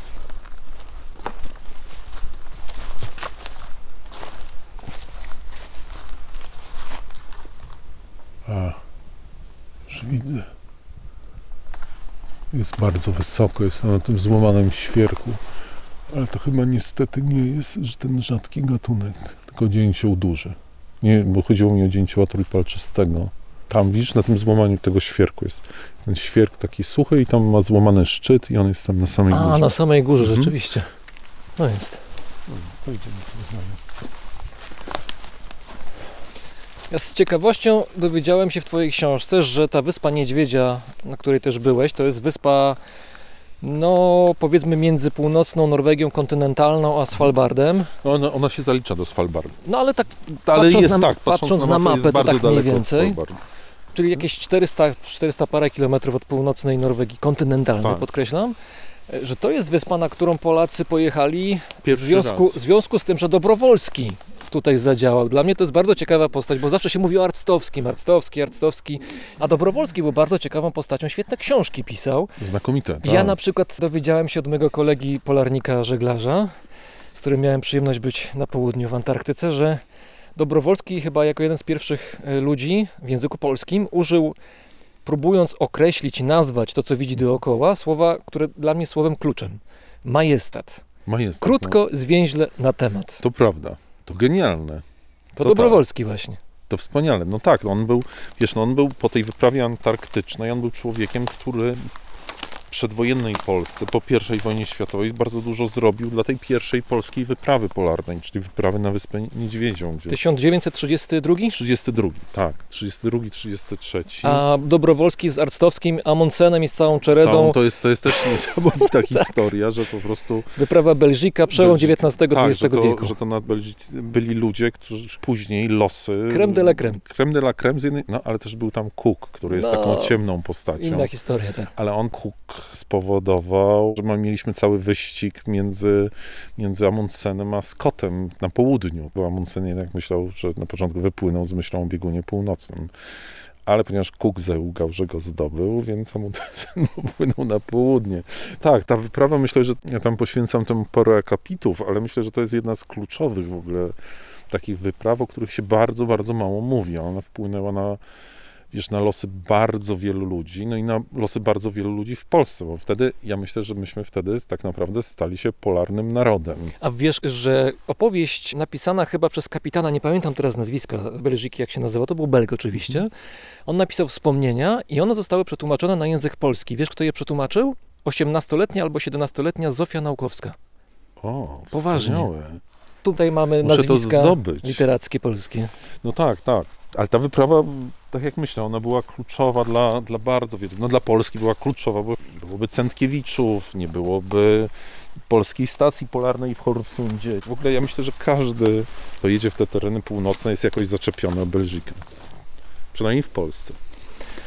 To co, Wyspa Niedźwiedzia, omówmy ją troszeczkę. Ja spojrzałem sobie na mapy satelitarne, czasami sobie tak robię, bo być nie byłem, może kiedyś będę. Ona wygląda bardzo ciekawie, to znaczy to jest połączenie dziwnej Finlandii z dziwnymi Mazurami razem z Islandią jeszcze z paroma innymi E, No wyspami. ta, tam jest, tak, tam jest Islandia i północna Norwegia, bo to jest, to jest wyspa, która jest taką kropelką na zderzeniu dwóch, ja bym to nazwał pogód, bo nie chciałbym używać klimatów, ale może klimatów arktycznego i atlantyckiego. I tam się to wszystko zderza, kotłuje, nasuwa i tak dalej, i tak dalej, i tak dalej. Więc z jednej strony, wiesz, masz po prostu pogodę, która jest, umówmy się, listopadem w Polsce, tak? Znaczy ja tam pamiętam, żeśmy mieli kilka słonecznych dni, mi to odpowiada, masy ptaków, miliony, miliony gniazd i ptaki zarówno bardzo polarne, jak nużyki, przynajmniej ten polarny gatunek, i ptaki bardziej atlantyckie, czyli maskonury, alki, krzywonosy, nie wiem jak one się teraz nazywają, ale, ale to jest dziwne. Bardziej pamiętam w Arktyce nazwy angielskie ptaków no ale może tak A jakie jest angielskie? Razorbill. To wszystko tam jest. A do tego rany, po prostu te brzegi, te skały, te iglice, które tam stoją, ten perle porten, gdzie się po prostu można przepłynąć pontonem pod kawałkiem brzegu w jaskini. To jest wszystko po prostu wstrząsające. To jest, to jest jak, jakby człowiek się znajduje jakby w pewnym momencie, w, szczególnie jak widzisz to od strony morza, to wygląda jakby po prostu jakbyś wskoczył do powieści Tolkiena. Chciałbym tam bardzo wrócić, ze względu głównie na ptaki oczywiście, ale, ale też chciałbym to jakoś tak ułożyć, żeby można było popływać wokół jakoś. Nie wiem, czy tam Ale się tam da są kajakiem. wody, są chyba niespokojne tam Nie, no tam trzeba mieć ponton, wiesz, podpływanie jachtem nawet myślę, że nie jest dobrym pomysłem, bo też w niewielu miejscach tam można tak naprawdę wylądować. No i smutną historią z Wyspy Niedźwiedzie jest to, że no kiedyś to było też królestwo wielkich morskich ssaków, morsów. Tam dokonano rzezi, jeszcze, zaczęła się jeszcze w XVII wieku i jakby one nie wróciły z tego, co wiem, na wyspę. Chociaż, chociaż na Spitsbergenie się ta populacja odbudowuje i to, to widać, że one wracają powoli. Tam kopalnia chyba też była, tak? Była Norwedzy mieli? kopalnia, znaczy ta kopalnia była tak naprawdę niemiecka. O, Chyba była jakaś niemiecka firma. Wiesz, to słuchaj, czasami masz, odkrywasz, że tam jakieś są różne firmy angielskie, niemieckie, ale Niemcy sobie rościli długo prawa. Te rzezie naprawdę tam się dały we znaki tym zwierzętom. Prawda też jest taka, że pierwsze moje wieloryby zobaczyłem odpływając z Wyspy Niedźwiedzie. Myślałem, że wsiadam na statek i będzie mnie czekała choroba morska, bo po prostu dostałem w kość, jak tam płynęliśmy. Potwornie i... możemy porozmawiać o tym? Mam dużo doświadczeń. Tak, uważam, że to jest coś strasznego. Prostu... To jest coś, czego się nie da przeskoczyć, prawda? Ktoś mówi, a wytrzymaj. Nie, nie da się, nie da się. Są nie, pewne rzeczy, wobec których jest, jesteś nie bezsilny, się, tak. absolutnie. Ale to jest tak naprawdę groza Arktyki. Według mnie to jest właśnie to, że po prostu czasami marchewka leci przez nos. Po prostu to jest groza Arktyki, a nie tam jakieś niedźwiedzie i szczeliny. Ale wiesz, ale jak zobaczyłem wieloryby skaczące humbaki, tuż przy burcie wyskoczyły, to, to mi przeszło. I mnie tak trzyma. Na, na razie się jeszcze nigdzie nie pożygałem na żadnej łódce od tamtego czasu. Wcześniej mówiliśmy o tym, że o mało co zakończyłeś chwalebne życie spadając ze skarpy właśnie na wyspie Klifu. No, to skarpa to łagodne dobrze, klif. Solidny, wielki. Solidny, wielki. E, tak, ostateczny, Ostateczny. klif. E, nie spadłeś, bo niemal podeptałeś alczyki. Dlaczego? Nużyki. Nużyki, Usu- tak, nużyki. Dlaczego, dlaczego akurat te ptaki były dla ciebie sygnałem, że idąc we mgle dalej nie powinieneś Bo iść? widziałem, że one mieszkają na klifach. to proste było bardzo. Widziałem, że nie mieszkają w tundrze, tylko mieszkają na klifach i jak usłyszałem, to, ale to wiesz, to ja to pamiętam, to była taka, wiesz, taka reakcja mózgu.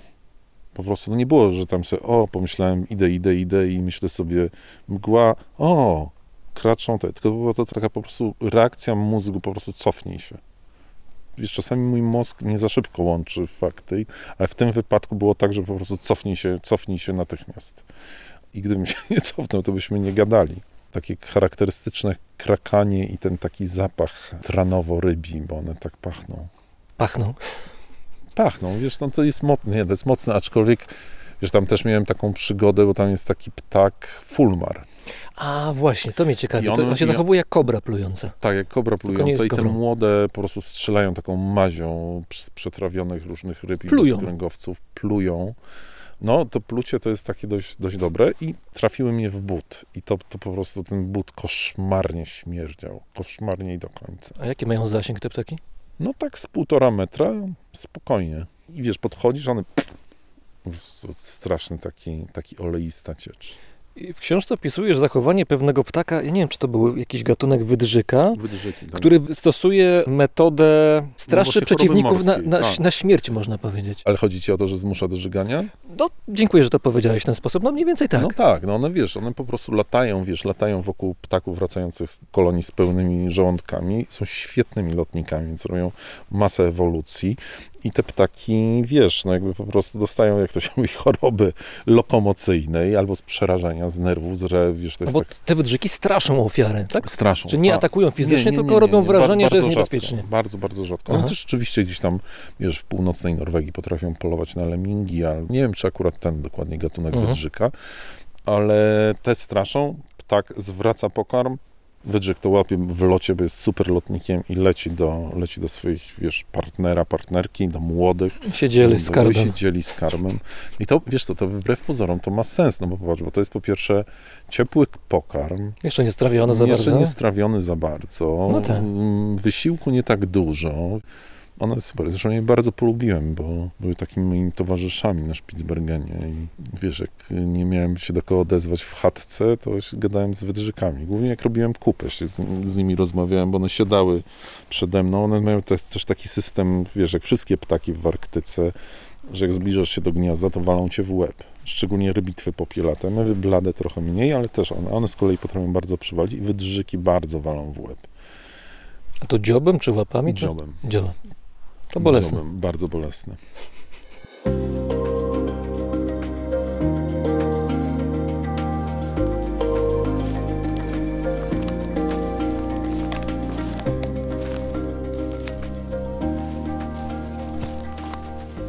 Na tej wyspie niedźwiedziej sporo jezior jest. To jest takich ciekawe. jeziorek, to są takie mułaki, wiesz. No jest mokro. Tam kalosze tylko. Tylko kalosze. Do tego, wiesz, kamienie rozwalone, no i ta jedyna taka góra we mgle, to mizery fielet, takie, wiesz, góra Mhm. niedoli. No to jest dość, ona jest taka naprawdę na specyficzną, polecam, ale ona jest taka na bardzo specyficzne, dla bardzo specyficznych ludzi, tak? Którzy właśnie lubią, nie potrzebują ostrego słońca cały czas. A tu uważasz się za specyficznego człowieka? Wiesz, no ja lubię zimę, ja lubię zimę, lubię zimno, lubię chłód, jakoś tak, nie wiem, no lubię to. Wiesz, no nie wiem, no na przykład w Afryce nie byłem jakoś taki specjalny, fajnie, no Serengeti super, mnóstwo antylop, słonie, ten, no super, ale wolałem takie bardziej ogarnialne środowiska. Chociaż też, żeby było sprawiedliwie, najbardziej wytelepało mnie w Andaluzji, u Nuri. Jak? No bo tam jest z kolei plus 5, plus coś i bardzo wilgotne. Na górę. A, wilgoć podstawa. No i tam mnie najbardziej, najbardziej dostałem w kość. Plus pięć. Plus 5 Andaluzja, to zawsze mówię, najbardziej, Nuria powiedziała, stary, no po prostu byłeś siny, szczęka i zimem. No, no tak, no, ale te wyprawy polarne, mówię, no ale tam jest sucho. A no właśnie. Jeszcze fajne jest to w rejonach polarnych, tych takich już naprawdę polarnych, polarnych, że człowiek jak się nie umyje dzień, dwa albo tydzień, to tak właściwie to nie jest problem. Przyznam się, w chatce się w ogóle prawie nie myłem. Jak byłeś na Svalbardzie. Tak. Nie, Dwa no, tygodnie, trzy, nie, tam więcej Nie, byłeś. tam byłem dwa miesiące. Dwa miesiące Może w ogóle? Może raz wziąłem prysznic w bazie albo coś. A zęby chyba też umyłem ze trzy razy. Ale teraz, na przykład, jak jesteśmy na tych wyprawach polarnych, polarnych, takich solidnych, to na przykład te wszystkie ubranka są takie, że one w ogóle praktycznie, okej, może przesadzę z tym, ale długo nie śmierdzą. Te wszystkie wełniane, one są naprawdę super. Bo wcześniej, jak na tych pierwszych wyprawach szliśmy, mieliśmy tą syntetyczną odzież, no to ona po trzech dniach śmierdzi po prostu paskudnie. To jest coś strasznego. Natomiast wiesz, natomiast teraz nie, spoko. Pierwsze spotkanie z niedźwiedziem polarnym. Czy to zostaje na długo, czy człowiek się jakoś otrząsa po pewnym czasie? Wiesz To te pierwsze spotkanie to, było, to była taka gradacja. Nie, to w ogóle nie powszednieje. Nie, nie, nie, nie, nie, nie. To w ogóle nie. To nie jest tak, że to powszednieje. Znaczy, wiesz, było tak, że miałem tą gradację, że pierwszego zobaczyłem strasznie z daleka. Byłem przerażony. Byłem sam, nic nie wiedziałem, nic nie kumałem. Nie wiedziałeś nawet, że broń jest niesprawna. Nie wiedziałem, że broń jest niesprawna, nie w ogóle nie, nie wiedziałem, jak się z niej strzela. Ale właśnie wytłumacz mi, jak można, rozumiem, że na Svalbardzie trzeba mieć broń ze sobą ze względów bezpieczeństwa.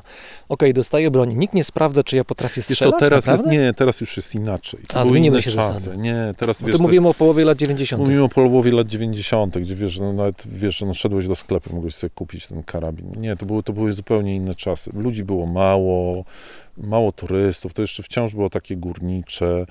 Te wypadki z niedźwiedziami zdarzały się bardzo, bardzo rzadko. Zresztą dalej one się zdarzają, co tu dużo gadać, bardzo, bardzo rzadko. Ale są głośne. No Jak się są- zdarzą. Nie, oczywiście są głośne, ale myślę, że gdyby ludzie potrafili, wiesz, mieli trochę więcej wyobraźni, to one by się nie zdarzały. Chociaż też nie chcę nikogo oskarżać, bo ja, mi czasami brakuje wyobraźni, robię różne głupoty. Natomiast pierwszy niedźwiedź, no to było przerażenie. Później wydawało mi się, że on zabił człowieka, bo znalazłem w gnieździe tą dłoń oderwaną.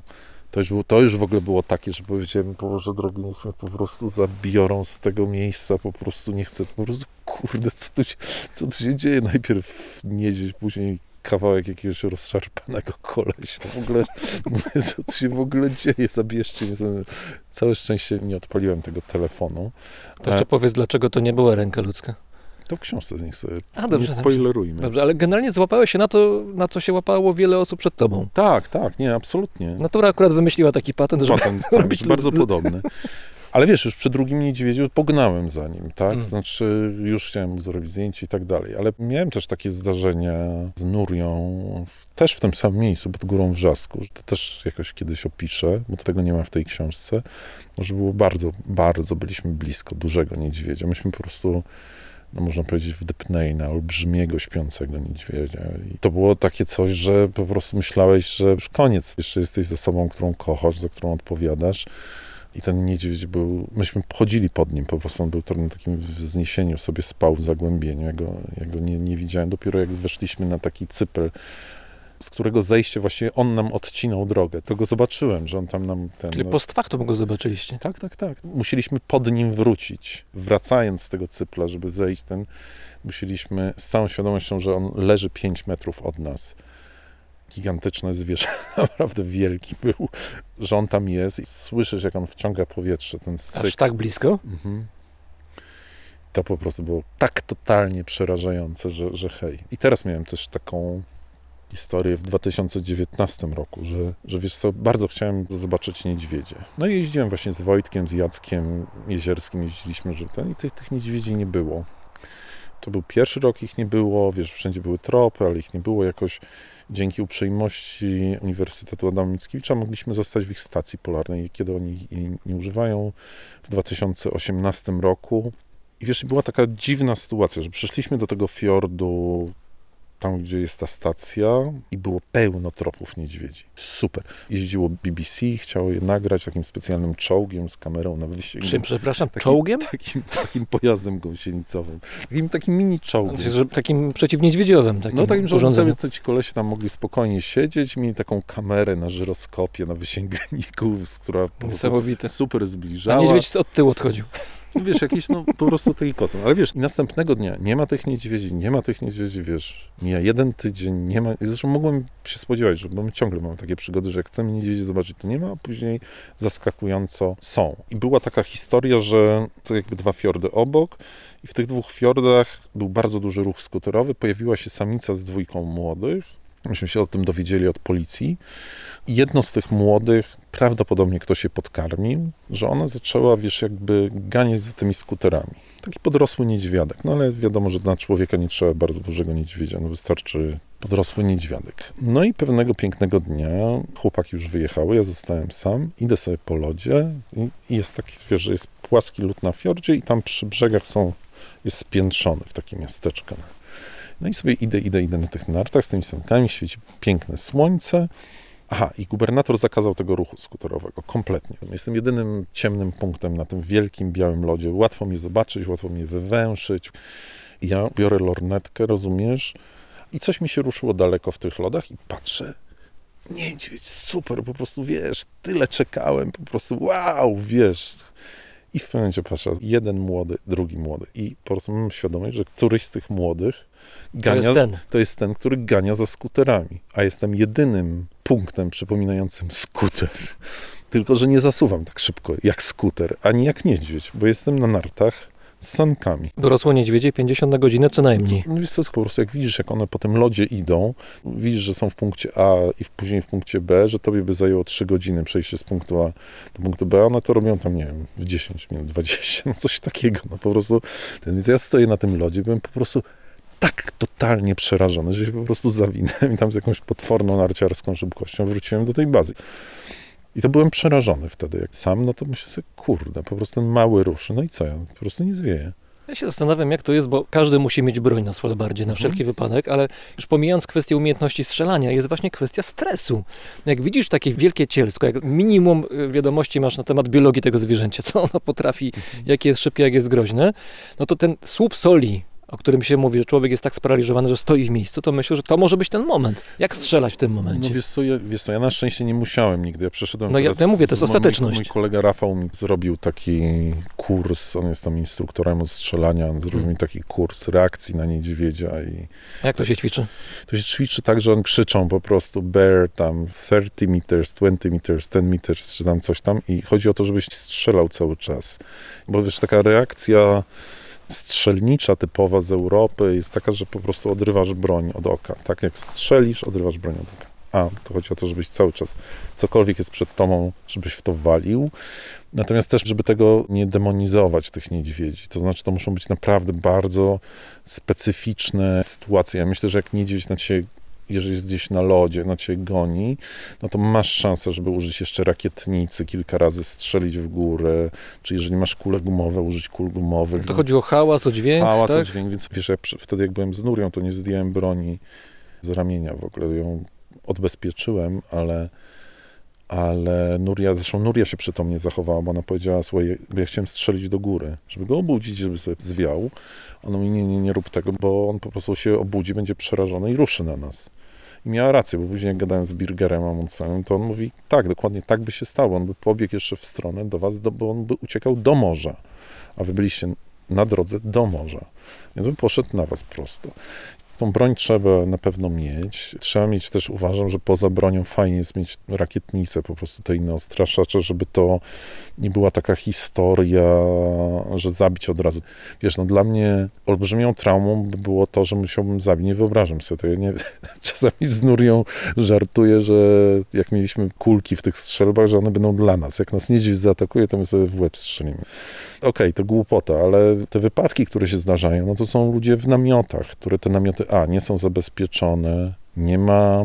Ale jak można namiot zabezpieczyć przed niedźwiedziem? Jak No niedźwiedź można, wchodzi on- do budynków? No wiesz co, one mają, wiesz co, masz takie potykacze, wiesz, no możesz po prostu stosować prosty zabieg, taki jak po prostu warty, no, zmiany, warty, no. Większość niedźwiedzi, które dostała rakietami, już do nikogo nie, nie podchodzi, że to jest, wiesz, jednak potworny ból, to jest olbrzymie uderzenie i tak dalej, a ratujesz sobie życie i temu zwierzęciu. A wiemy w ogóle, jak wygląda statystycznie liczba niedźwiedzi polarnych na Svalbardzie? Jak to fluktuuje? Czy jest więcej, co, mniej? Znaczy, ta populacja chyba jest stabilna z lekkim wzrostem. Nie jestem pewien, musiałbym sprawdzić. To wydaje się, że rośnie, no, tylko to się w końcu zatrzyma. No, brakuje tego lodu, spływa śnieg, gdzie one kopią gawry, gdzie rodzą młode. To się wszystko bardzo, bardzo, bardzo, bardzo radykalnie zmienia. Aczkolwiek wydaje mi się, że to są o tyle fajne, mądre zwierzęta, że że one sobie próbują jakoś radzić. Na przykład nauczyły się polować na renifery. Na przykład, wiesz, dowiedziały się, że nie mogą renifera upolować na lądzie, bo jest za szybki, no to wpędzają go do wody i płyną za nim. Takie, wiesz, obserwacje były, że ludzie z polskiej stacji polarnej obserwowali. Albo, wiesz, dużo reniferów chodzi gdzieś na góry, bo one, wiesz, zjadają porosty, jak jest, wiesz, oczyszczone ze śniegu przez wiatr. No i przychodzi na przykład ocieplenie, tam się robi lodowisko, spadają, łamią się i wiem, że są takie obserwacje na przykład samic, które karmią młode niedźwiedzie mlekiem, jeszcze przychodzą właśnie do takich reniferów i sobie je zjadają. Wiesz, podejrzewam, że na przykład gdyby nie to, że myśmy wyrżnęli tyle wielorybów i tyle morsów, to one miałyby o wiele większą szansę na przetrwanie braku lodu niż teraz.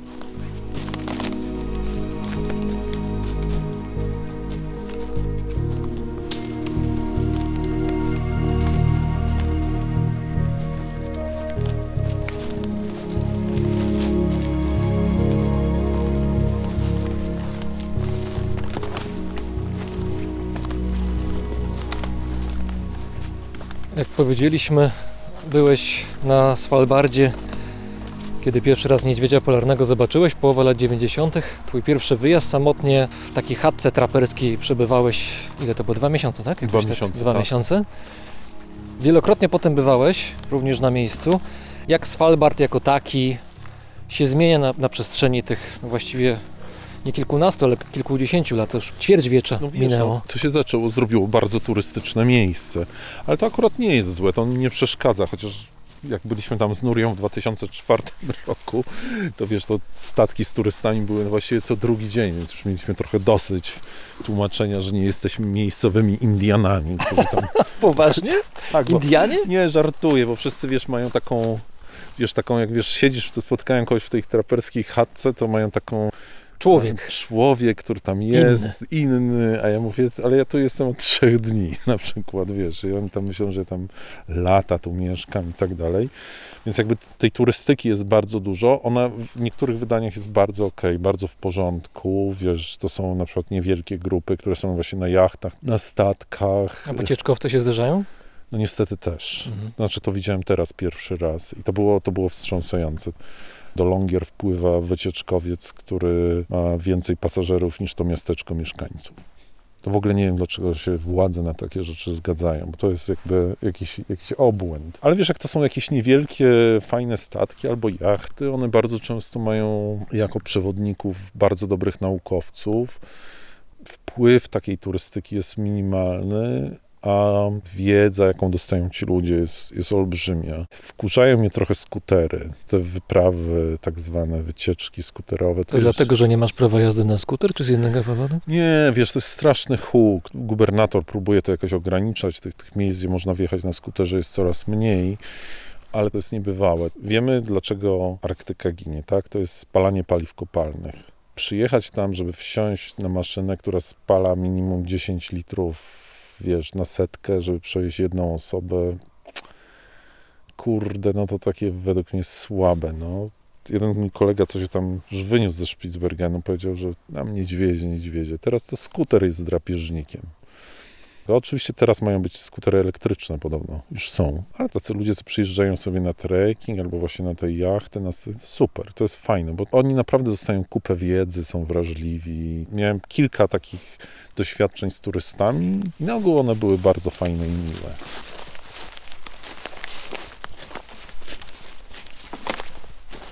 Jelenie są przed nami. Co masz?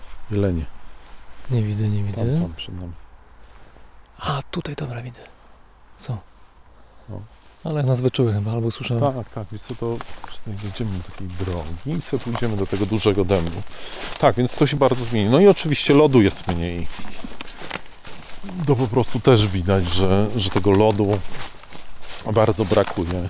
I na Svalbardzie to widać, wiesz, to były, wiesz, myśmy przeszli, będzie druga część tej książki, w 96 roku wschodnie wybrzeże Svalbardu i tam byliśmy w takich zachodnich fiordach i w tym fiordzie, wiesz, jeszcze w maju wmarznięty francuski jacht po prostu, którego trzeba Tak, było... utknął? Znaczy oni specjalnie wmarzli, ale A. później już wiesz, już chcieli jakoś bardzo wypłynąć. Już się się majak, zmieniły. To po prostu bez, bez dynamitu nie dawało rady. Dynamit? No. Tak, tak. W starych się- dobrych czasach. oni się próbowali uwolnić dynamitem. Teraz byliśmy w pobliskim fiordzie. Nie wiem, może jedna trzecia tego lodu Mhm. w tym samym czasie, wiesz, co było. No po prostu patrzysz na to i myślisz, Boże drogi, to się stało po prostu za twojego życia, tak? I to kawałka twojego życia, nawet, Mhm. wiesz, nawet nie tam całego, tylko wiesz, no 30 lat temu, 20 lat temu. To jest taki tryb grubolipny, na którym zawsze spotykam wilki. Wilków jest mniej, więcej? Jak to jest Ostatnio ostatnio? myślę, że tutaj tyle samo, tylko czasami się struktura rodzin zmienia.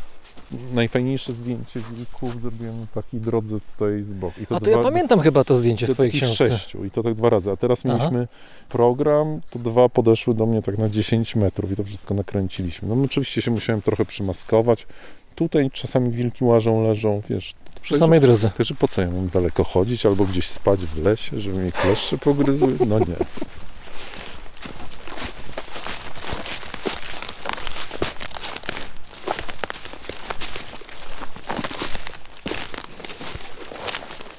Wow.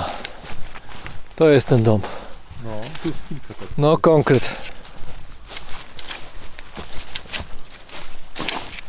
400 lat mówiłeś? 400 lat. Mhm. Wiesz, te tutejsze dęby są bardzo takie strzeliste, wiesz?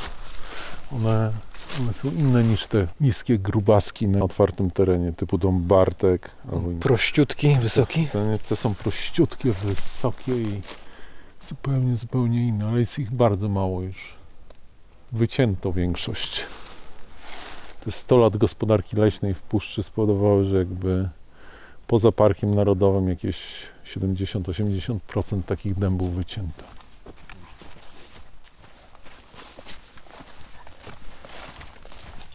Ta książka na północ to jest pierwsza z trzech, prawda? To Tak. będzie seria, trylogia. Będzie, wiesz, druga część będzie o takich wycieczkach na lodzie, o wyprawach właściwie, czyli o przejściu wschodniego wybrzeża Spitsbergenu z Wojtkiem i z Jackiem i przejściu też z Kanady na Grenlandię. I to będzie takie już stricte o lodzie, o lodzie morskim, o tym, co się dzieje na lodzie morskim, też o Inuitach i o tym, co z nimi zrobiliśmy albo robiliśmy bardzo długo a później trzecia część o powrocie, czyli o tym, co jest teraz. Mój świat, który poznałem, się rozpada. Rozpada się dosłownie na kawałki, się topi. I też widzę, że wiesz, że wiele takich ludzkich aktywności, które kiedyś, żebym tam na nie patrzył z przymrużeniem oka, jak wiesz, jak traperstwo, no, no już uważam je za paskudne, tak? Już nie próbuję ich tłumaczyć, nie próbuję ich usprawiedliwiać. Nie mówię, że to są inne warunki, inni ludzie, tylko po prostu uważam, że jest złe. Więc się nauczyłem, trochę się zradykalizowałem. Po Puszczy Białowieskiej oprowadzał nas Adam Wajrak, autor książki wydanej właśnie nakładem wydawnictwa Agora. Książka nosi tytuł Na północ, jak pokochałem Arktykę. Bardzo dziękuję. Bardzo dziękuję. I zapraszam do Puszczy i w Arktykę.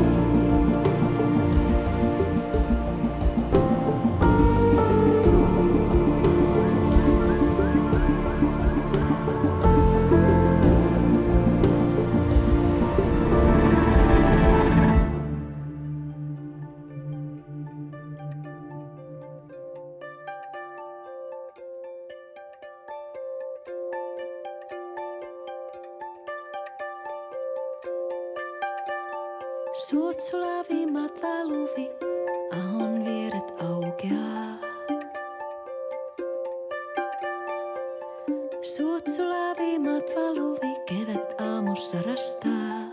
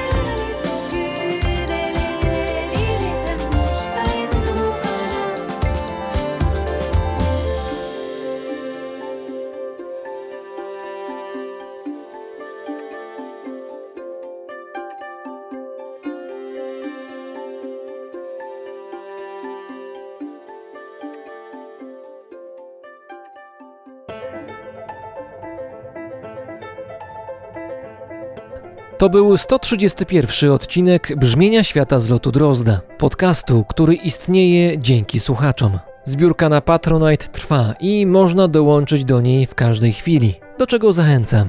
Wszystkim patronom i patronkom dziękuję za hojną pomoc. To za Waszą sprawą ta audycja istnieje ponad 2,5 roku. Dziękuję również światoczułemu patronowi brzmienia świata, firmie Ergo Ubezpieczenia Podróży.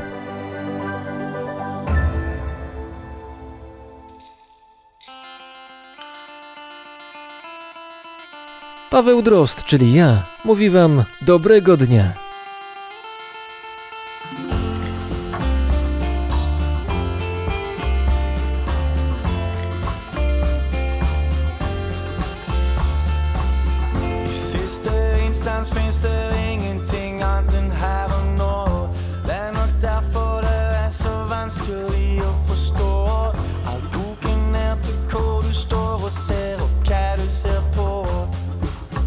I could.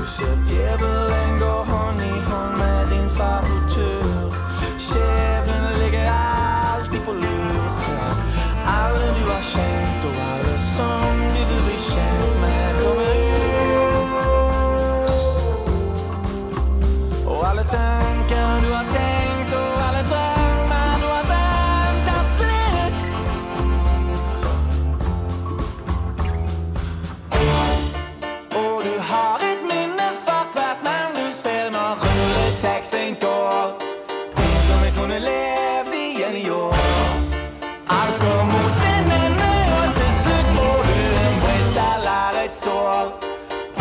för kids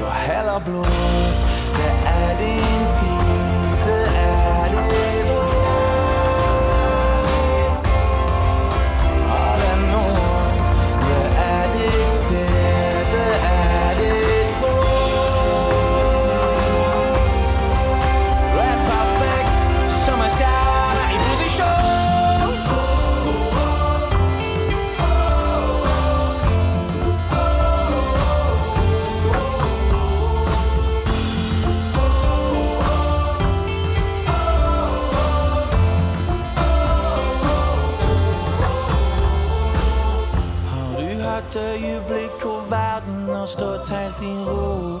Og for deg sjøl har du tenkt, tenk om vi kunne vært to?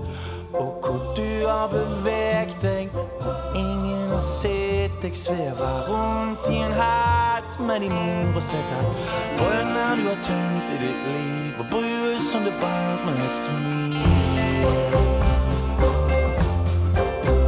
Og alle tanker du har tenkt Og alle drømmer